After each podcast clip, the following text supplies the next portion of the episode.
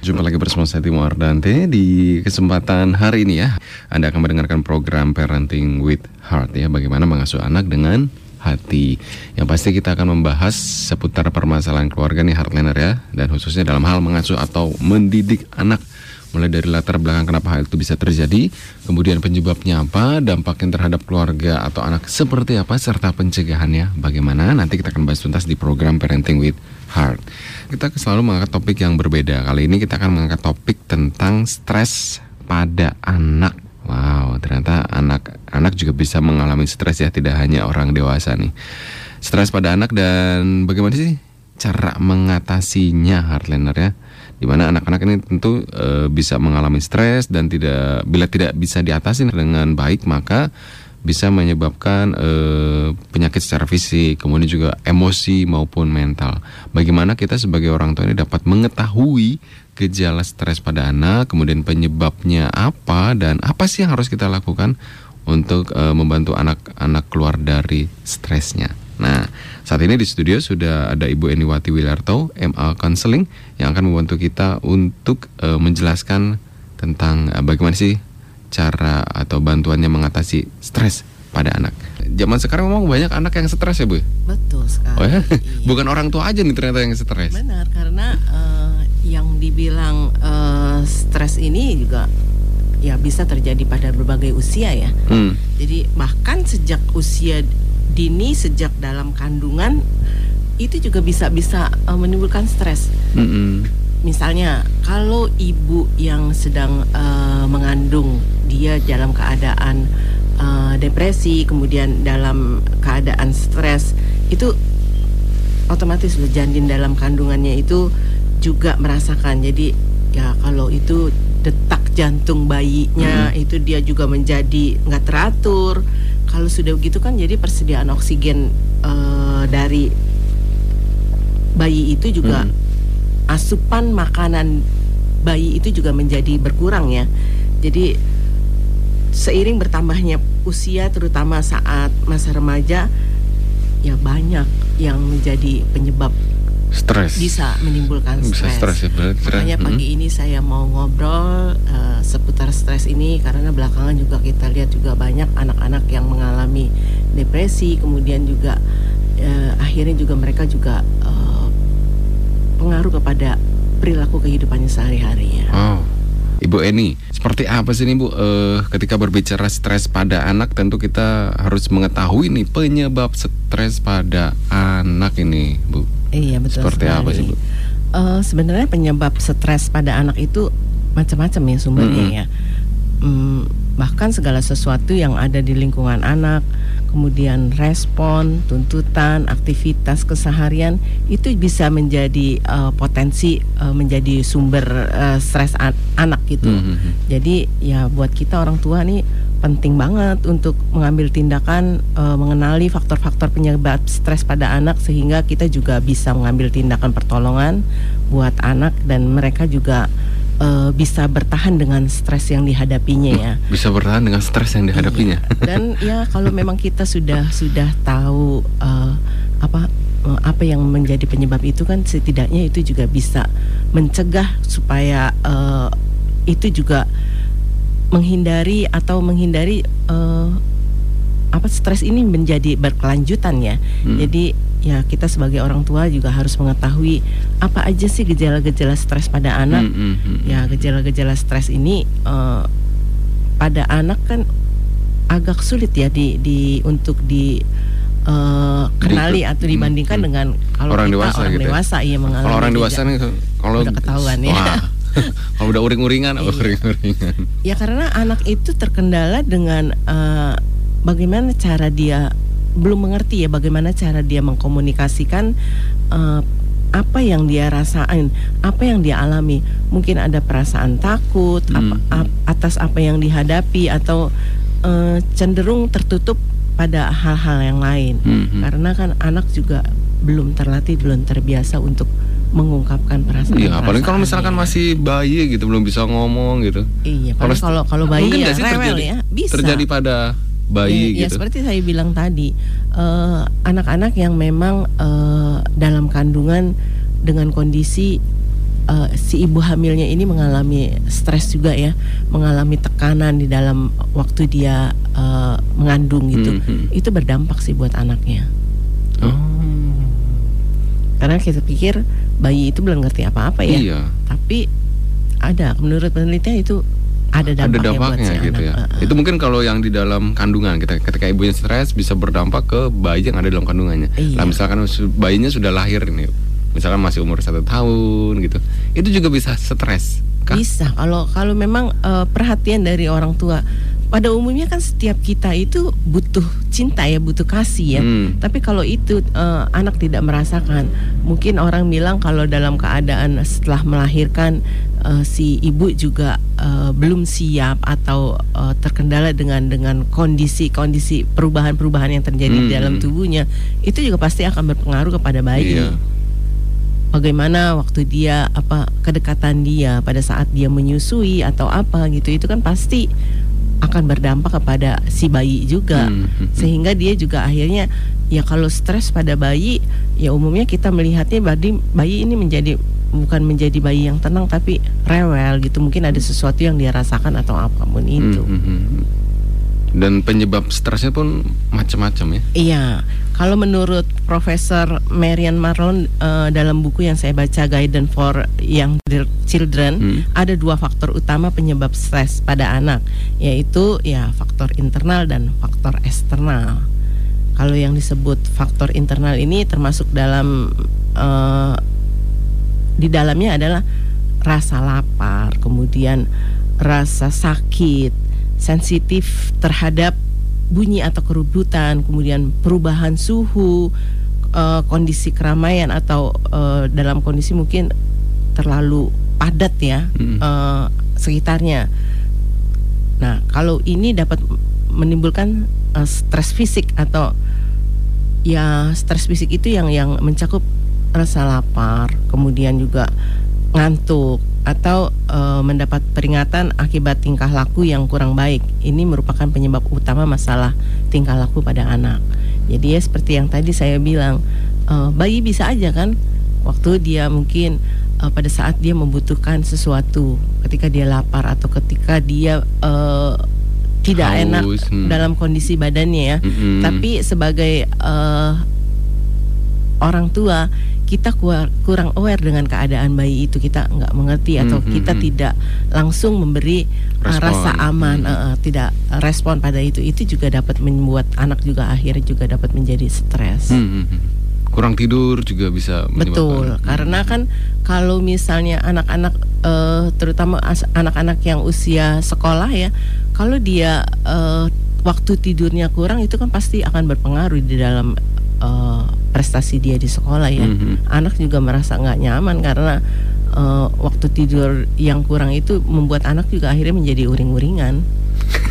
Jadi uring-uringan. Iya. Kalau lingkungan keluarga sendiri ada pengaruh ling ada pengaruhnya nggak sih bu? Ya Dari... itu kalau kita sebutnya dengan faktor eksternal. Oh faktor eksternal. Ya karena uh, ya ini uh, faktor eksternal ini meliputi perpisahan atau perceraian di dalam keluarga, kemudian perubahan dalam komposisi keluarga, misalnya yang tadinya uh, anak ini sendiri, kemudian uh, dia punya uh, adik bayi, itu juga bisa uh, menimbulkan satu perasaan nggak nyaman dan kalau ini dibiarkan juga akan menimbulkan stres. Hmm. Pertengkaran dengan uh, atau konflik di dalam keluarga, kakak adik yang uh, ribut, uh, orang tua, ayah dan ibu yang juga uh, konflik. Kemudian juga uh, dia mungkin mengalami satu trauma kejahatan atau mengalami kekerasan uh, dari teman-temannya yang seperti yang kita uh, banyak dibully gitu ya. Iya, hmm. iya lihat sekarang itu hmm. adalah bully dari dari teman-teman. Hmm. Kemudian uh, kehilangan hewan kesayangan juga itu juga bisa membuat dia juga menjadi stres. ya. Iya. Kemudian juga banyak hal sih kalau dia diperhadapkan kepada tugas-tugas yang memang sulit buat dia, kemudian uh, tugasnya bertubi-tubi atau kemudian juga karena mungkin tidak bisa memanage waktu dengan baik, mm -hmm. ya terburu-buru untuk untuk melakukan sesuatu. Ya hidupnya itu kayaknya eh, nggak uh, teratur dan akhirnya ini juga dapat menimbulkan stres juga pada Wah, anak. Ternyata banyak ya penyebab stres itu. Betul. Di luar sana yang ya. tanpa kita sadari iya, sebagai orang tua. kita anggap itu suatu hal yang sepele dan itu biasa-biasa hmm. aja ya. Ternyata kalau ini juga dibiarkan terus menerus akhirnya bertumpuk bertumpuk bertumpuk dan uh, dapat mengakibatkan uh, stres stres pada hmm. anak dan dampaknya itu ya bisa juga kepada fisik dan emosi. Nah, ketika berbicara stres kepada anak tadi kan sudah ada faktor internal, kemudian juga ada faktor eksternal. Kalau dari uh, pola asuh orang tua sendiri tuh ada pengaruhnya, Bu? Uh, pola asuh orang tua ya besar juga pengaruh hmm. untuk untuk uh, dia juga mengalami stres. Misalnya kalau kita dari orang tua juga tidak konsisten dalam uh, mendidik anak, uh, tidak seimbang dalam hal memberi uh, reward dan punishment kepada anak, ini juga bisa uh, berdampak juga kepada uh, anak itu juga mengalami satu satu tekanan dan pada akhirnya juga bisa mengalami stres juga. Karena kan uh, biasa kadang uh, orang tua terlalu menuntut banyak pada anak ya. Hmm. Kemudian mengharapkan memang setiap kita pasti menginginkan yang terbaik buat anak ya. Hmm. Tapi kalau kemudian itu uh, menjadikan sesuatu yang yang uh, dengan pola asuh kita sebagai orang tua yang otoriter, nah itu yang akan membuat anak juga menjadi stres. banyak sekali ya faktornya. Setelah kita mengetahui tadi ada faktor internal eksternal, tentu kita juga ingin mengetahui nih seperti apa sih ciri-cirinya atau gejalanya ketika anak sudah memasuki uh, kategori yang dikatakan sebagai stres itu tadi, Bu ya. Mm. Dan sekarang kita juga ingin mengetahui ini seperti apa sih ciri-ciri jikalau seorang anak atau anak kita, putra-putri kita ini sudah mengalami stres. Seperti apa nih, Ibu Eni? Ada nggak sih ciri-ciri atau gejala awal uh, ketika bisa dikategorikan sebagai wah kayaknya anak kita sudah stres nih, Bu, sudah mengalami fase stres seperti apa?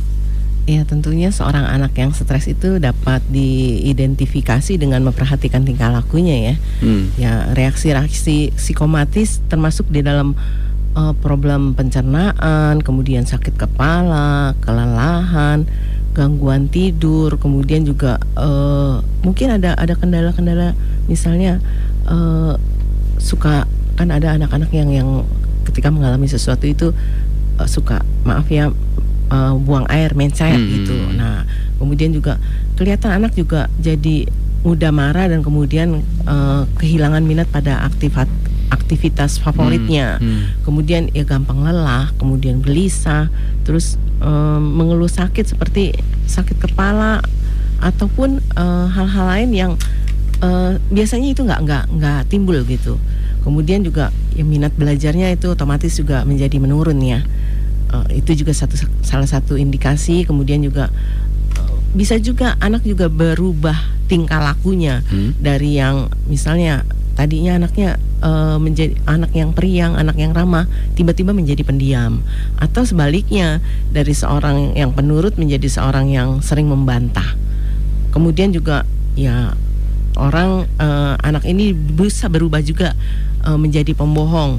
Jadi uh, bahkan mencuri atau melakukan perbuatan jahat lainnya sebagai bentuk pelarian.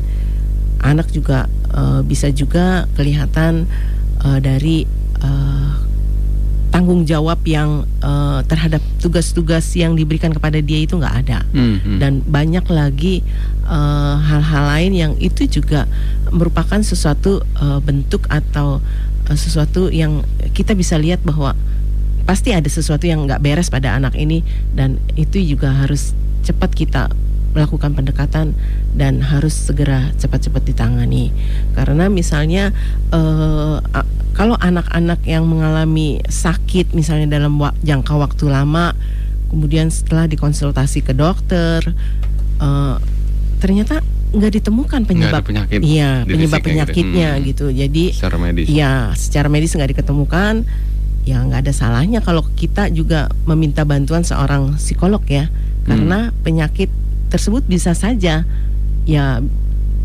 mungkin memang kemungkinan dari virus juga bisa tapi uh, apa ya kalau uh, dari virus kan itu bisa dideteksi ya dan hmm. bisa langsung diobati.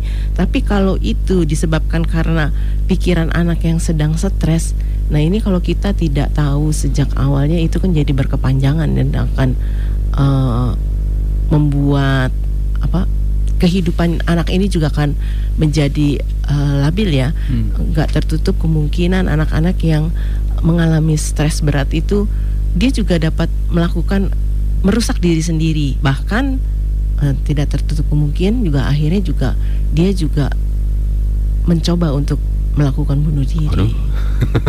Berarti eh, tingkat stres pun ada ada tingkatannya, stres ada tingkatannya. Betul. Sampai akhirnya uh, nanti melakukan hal-hal iya, yang kalau di luar. itu memang tidak ditangani dengan segera ya akhirnya juga uh, stres itu dapat menjadi uh, semakin berat berat hmm. dan anak itu kan jadi tekanan ya. Jadi hmm. dia juga tidak tahu apa yang yang bisa dia lakukan dan bagaimana dia mengatasi ini karena mungkin ya uh, dia juga nggak nggak ketemu orang yang bisa diajak bicara, bisa orang bilang bisa diajak curhat untuk hmm. untuk uh, apa yang dia rasakan uh, di dalam dirinya. Hmm. Ya akhirnya uh, rasa putus asa, rasa uh, gelisah, rasa marah ini itu yang membuat anak ini juga akhirnya uh, memutuskan untuk ya nggak ada gunanya kalau saya hidup dengan uh, cara seperti ini karena mungkin kalau kayak sudah kayak gitu kan dia juga merasa dirinya juga uh, malang dirinya juga hmm. kayaknya uh, orang bilang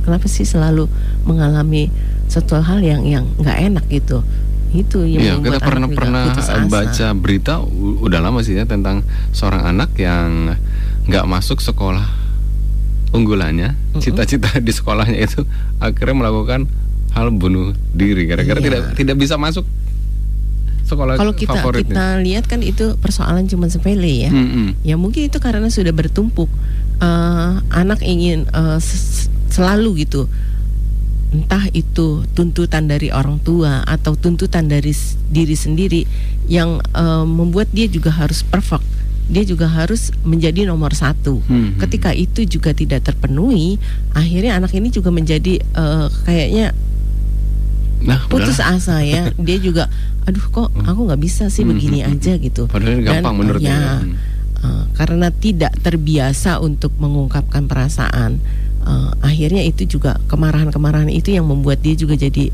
uh, apa melakukan sesuatu hal yang ya saya bilang tadi merusak dirinya sendiri dan itu juga akibatnya juga fatal karena tidak terbiasa iya bisa mengungkapkan ya hmm. dan uh, mungkin tuntutan-tuntutan dari eksternal dan internal tadi yang terlalu banyak hmm, itu yang mem hmm, membuat anak juga akhirnya juga merasa bahwa ya dia juga nggak berdaya gitu untuk ini.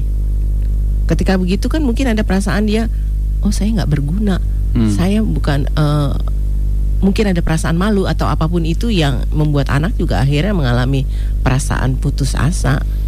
Iya, kadang-kadang ketika setelah uh, kejadian gitu, ketika ditanya orang terdekatnya, uh, apakah uh, ada perubahan nggak sih uh, belakangan ini? Uh-huh. Mereka selalu mengatakan uh, biasa aja tuh tidak ada perubahan atau mungkin mereka tidak menyadari. Iya. Uh-uh.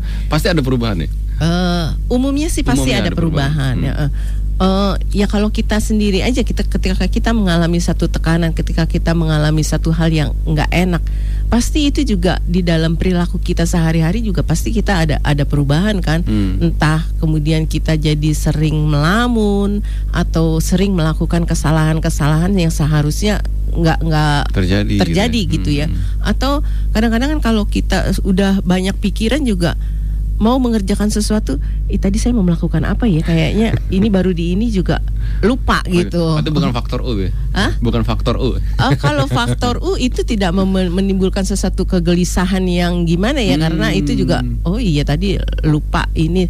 Tapi ini untuk hal-hal yang yang penting.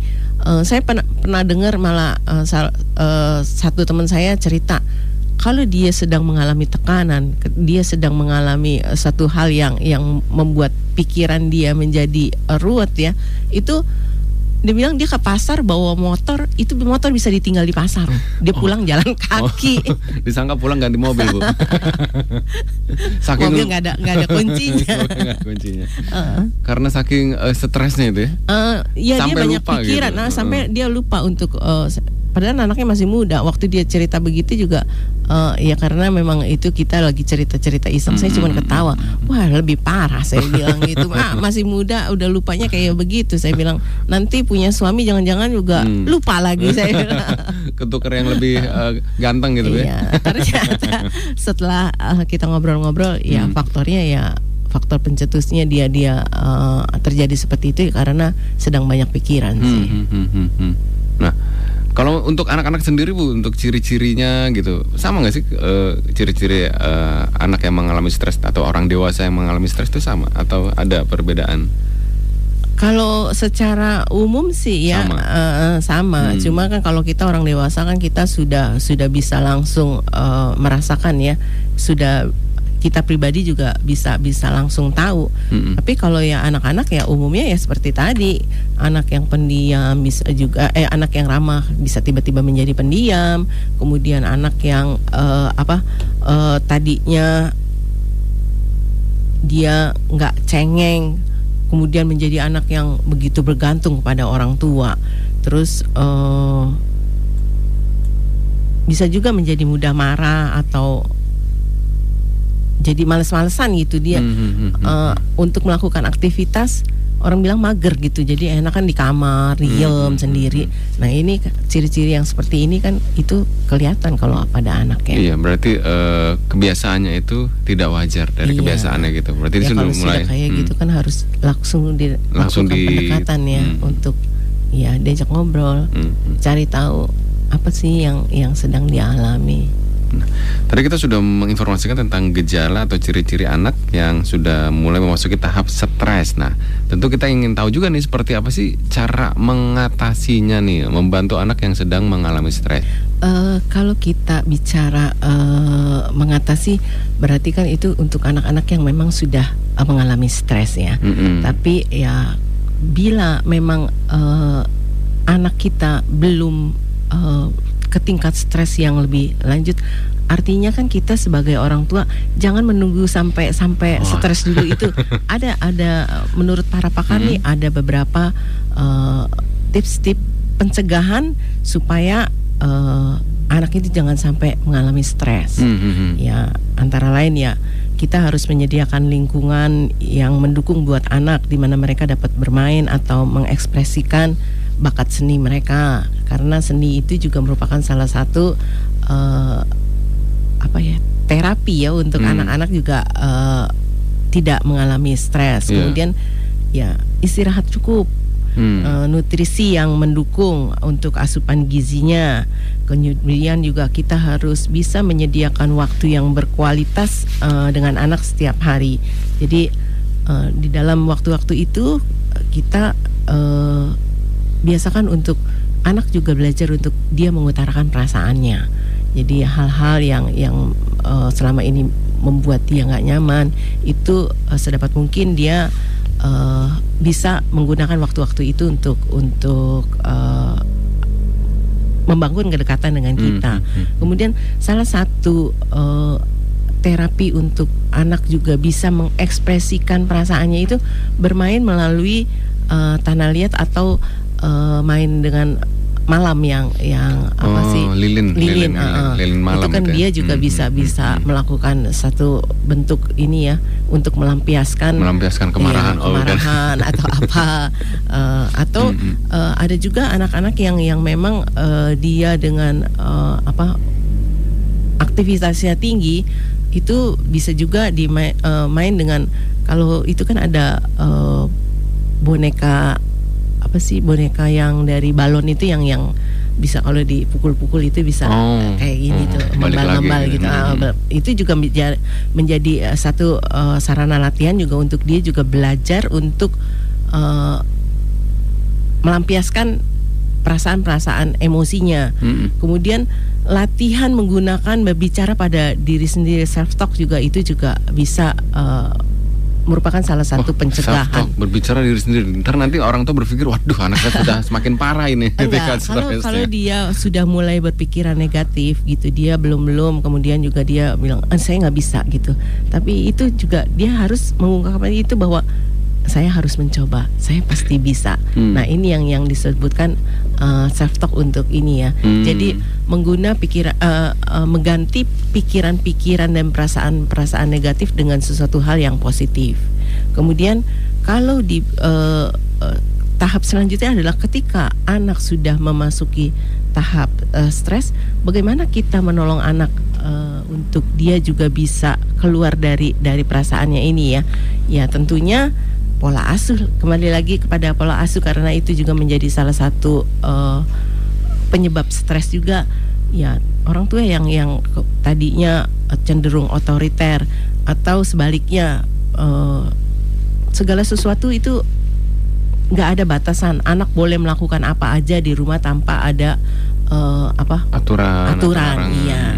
Nah ini ya sebaiknya kita uh, mulai mengubah pola asuhnya ya karena uh, pola asuh dengan tuntutan yang berlebihan itu pasti membuat uh, anak juga mengalami satu satu tekanan dan apalagi kalau kemudian juga uh, yang dia uh, rasakan adalah tuntutan tuntutan dan tuntutan.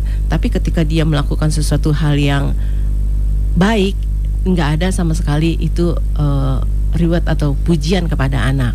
Ini juga akan membuat juga anak juga menjadi uh, stres ya. Yang yang lain adalah uh, ya kita sebagai orang tua jangan terlalu banyak menuntut lah karena ya setiap kita pasti menginginkan yang terbaik buat anak-anak ya. Namun kadang-kadang ya harus target yang ditetapkan itu harus uh, apa? tidak terlalu tinggi karena hal yang perlu kita lakukan sebagai orang tua adalah tidak terlalu banyak mengkritik apalagi membanding-bandingkan dengan anak lain ya. Karena itu juga uh, dapat menjadi sumber stres dari anak ketika dia gagal ketika dia tidak uh, dapat mencapai target.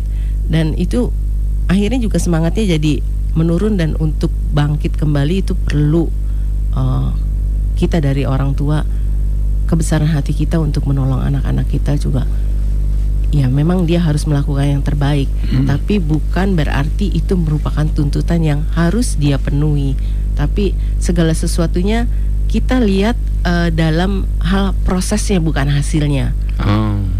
Ya orang yang yang sukses kan uh, bukan berarti dia juga yang uh, bisa melakukan prestasi dengan dengan gemilang ya. Mm -hmm. Ketika dia bertanggung jawab terhadap uh, satu tugas yang uh, dia berikan dengan dengan penuh tanggung jawab dan uh, dia juga melakukannya dengan baik walaupun hasilnya belum maksimal menurut saya itu adalah merupakan juga satu kesuksesan yang patut kita hargai.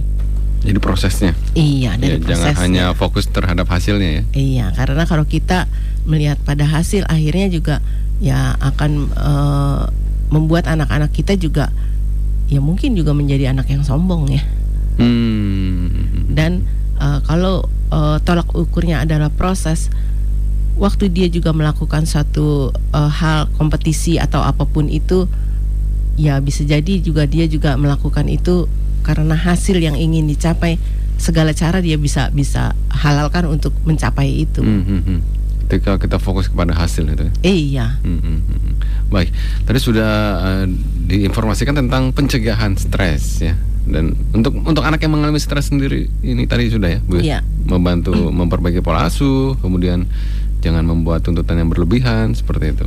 Iya, makanan sehat juga perlu untuk untuk oh. ini ya. Ya, karena asupan gizi yang cukup ini serta istirahat yang optimal uh, dapat membantu untuk menghindari stres ya. Wow, hari ini sudah komplit ini pelajarannya, mulai dari latar belakang sampai uh, pencegahannya nih ke, untuk uh, stres pada anak. Nah, tanpa terasa nih Bu, waktu sudah di penghujung acara, mungkin Ibu bisa memberikan uh, kesimpulan untuk topik kita pada pagi hari ini.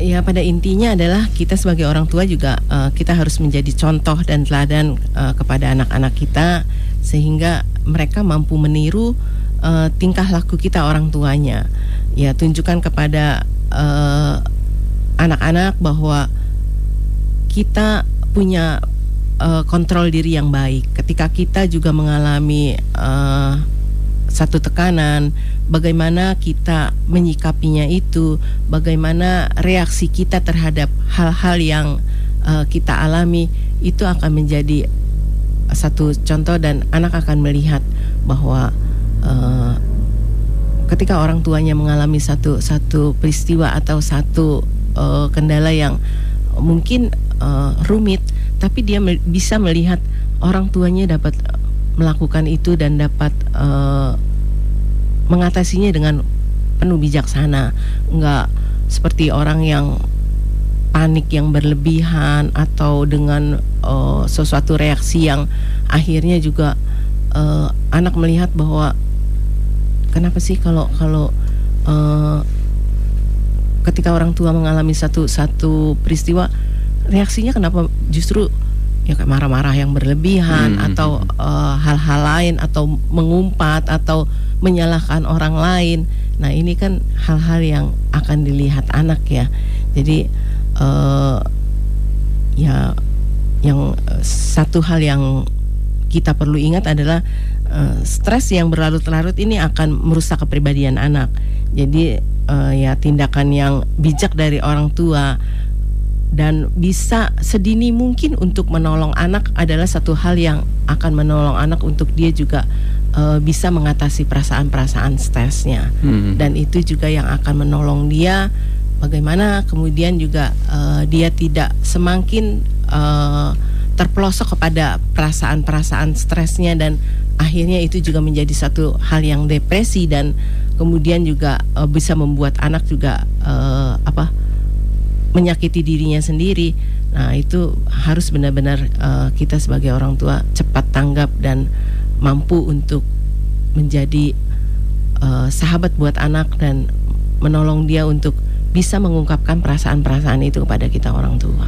Iya, ataupun mungkin jika lo sudah orang tuanya uh, ibaratnya sudah mentok gitu, bisa menghubungi ke harus iya segera mencari pertolongan dan jangan malu untuk uh, meminta pertolongan kepada iya. pihak ketiga. Uh, dan uh, menurut saya ya kadang-kadang uh, paradigma yang harus kita ubah adalah belum tentu waktu kita membawa anak kita kepada psikolog itu karena uh, sesuatu hal yang yang orang bilang ya uh, kan ada anggapan orang yang uh, belum mengerti benar ya kalau dia membawa anaknya ke uh, psikolog apa iya hmm. ke yang berhubungan dengan kejiwaan artinya adalah ada sesuatu yang gawat oh. atau uh, dia pikir Udah anaknya itu nih. iya ada gangguan padahal nggak seperti itu hmm. karena ya adalah uh, lebih baik kita uh, mencegah sejak dini daripada kita kalau sudah berlarut-larut mm -hmm. baru kita mencari mm -hmm. uh, seseorang untuk menolong itu kan jauh lebih sulit ya. Mm. Kalau kita sudah bisa tahu itu dan kita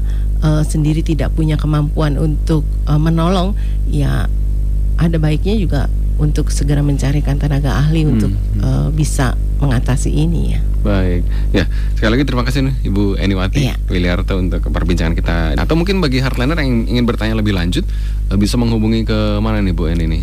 Uh, bisa menghubungi ke 0812 mm -hmm. 9491 mm -hmm. 6616 0812 9491 6616 Baik Sekali lagi terima kasih Ibu Eniwati Wiliarto MA Counseling dari Yayasan Busur Mas yang telah hadir di program Parenting with Heart. Dan saya Timo Ardante undur diri dari pendengaran Anda.